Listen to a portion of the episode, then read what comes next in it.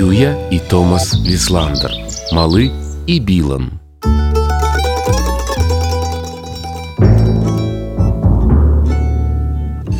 Малы і Білан гуляюць у скокі.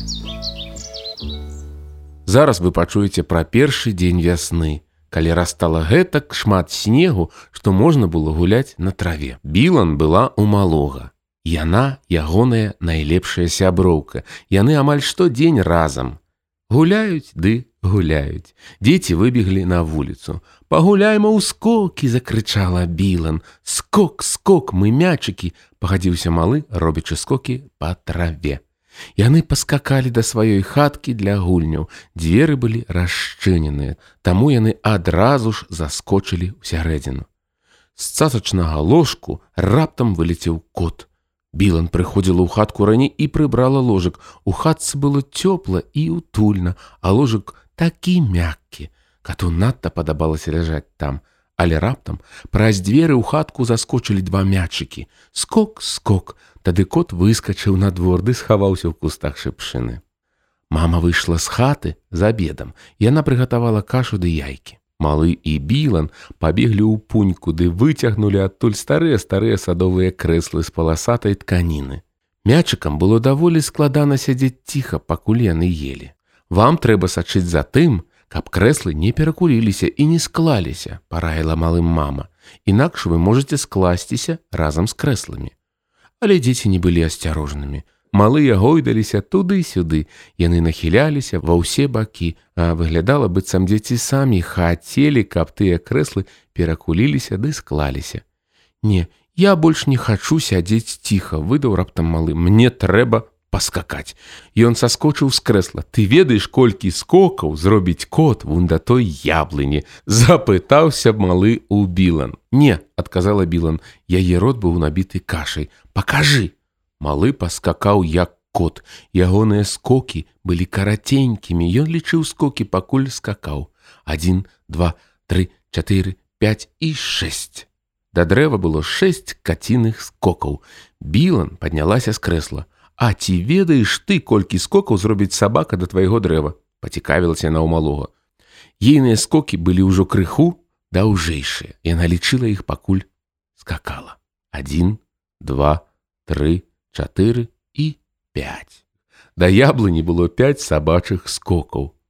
А ці ведаеш ты, за колькі скокаў да яблыні даскочыць конь? не супыняўся малы. Гэта былі вельмі доўгія скокі. Малы намагаўся як толькі мог, Ён лічыў: один, два, тры і яшчэ палова. Да яблыні аказалася ўсяго толькі тры з паловай скокаў коня. А ты ведаеш, колькі мышыных скокаў да яблыні, запыталася Білан. Але яна не скакала. Яна хуценька пабегла маленькімі маленькімі крокамі, Білан бегла хутчэй, чым паспявала лічыць. Яна прабегла 33 крокі, але паспела налічыць толькі 22. Атрымаліся 22 мышыныя крокі абвясціла яна. А ці ведаеш ты колькі змяіных скокаў да яблыні? Задаў яшчэ одно пытанне малы. Не, пагайдала галавою білан. Ну і колькі? Ніколькі, адказаў малы, бо змея не ўмее скакаць. Скакаць вельмі весела, але разам з тым і цяжка. Дзеці былі задаволеныя, хоць і стомленыя. Малыя ладкаваліся ў сваіх крэслах і паглядзелі на веснавое сонца. Больш за ўсё сонца свеціць у вочы, заўважыла Білан. Эх, які цудоўны сонечны вечар зазначыў малы. Ён заплюшчыў вочы і адкінуўся назад у крэсле. Пэнх бум крэсла ўпала ды склалася разам з малым. Аёй, усклікнула мама, даражэнькі мой, як у цябе так атрымалася, малы ляжаў складзены ў крэсле ды заблытаны ў тканіне. Ён смяяўся ды смяяўся. Атрымалася сапраўды добра, сказаў ён. Давай катацца на роварах, прапанавала Білан. Ровар малога ўжо стаў за маленькім для яго. Але ім усё адно было весела. Яны праехаліся па ўсіх маленькіх пагорках ды збочылі на ўсіх маленькіх паваротах. Яны збочвалі столькі разоў, што засталося вельмі шмат слядоў. Яны рэзка прыпыняліся ды рабілі шмат іншых рэчаў, якія толькі маглі. Мама грэлася на сонцы. Цяпер, калі мячыкі ўрэшце паскакалі прэч, выйшаў на двор і кот. Ён уладкаваўся под сталом, там быў цянёк. Праз некалькі хвілін дзеці прыбеглі назад, але без ровараў. Нам трэба крыху адпачыць, абвесці ў малых. Так, разумею, прамовіла мама. Вы ж прабегалі цэлы дзень. Мы трохі паскачам прапанавала Білан, і яны паскакалі як жабкі, як жырафы, як страус на адной назе і як шмат іншых жывёлаў. Так што мама нават здзівілася, што можа быць так шмат розных скокаў. Ці хочаш ты паглядзець на скок на трох нагах, запытаўся малы ў мамы. Я яшчэ такога не бачыла, здзівілася мама. Але ў дзяцей атрымалася. Яны моцна трымаліся адзін за аднаго. Білан скакала на двух нагах, а малы на адной. Вось, паглядзі, мама, гэта скок на трох нагах, сказаў малы. Увечары, калі малы уладкаваўся ў ложку, прыйшла мама, села побач і пачала чытаць казку. Коўдра скакала ўвесь час.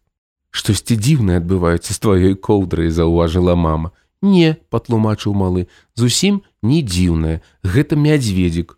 У яго не атрымалася пайсці з намі на двор сёння, таму ён гуляе ў скокі зараз. Малы пацягнуў за коўдру. Пад ёй ляжаў мядзведзік і ціхенька скокаў. А калі ён скончыць скакаць, пацікавілася мама. Зараз вырашыў малы. Потым яны леглі побач і абодва выглядалі аднолькава задаволенымі і малы і мядзведзік.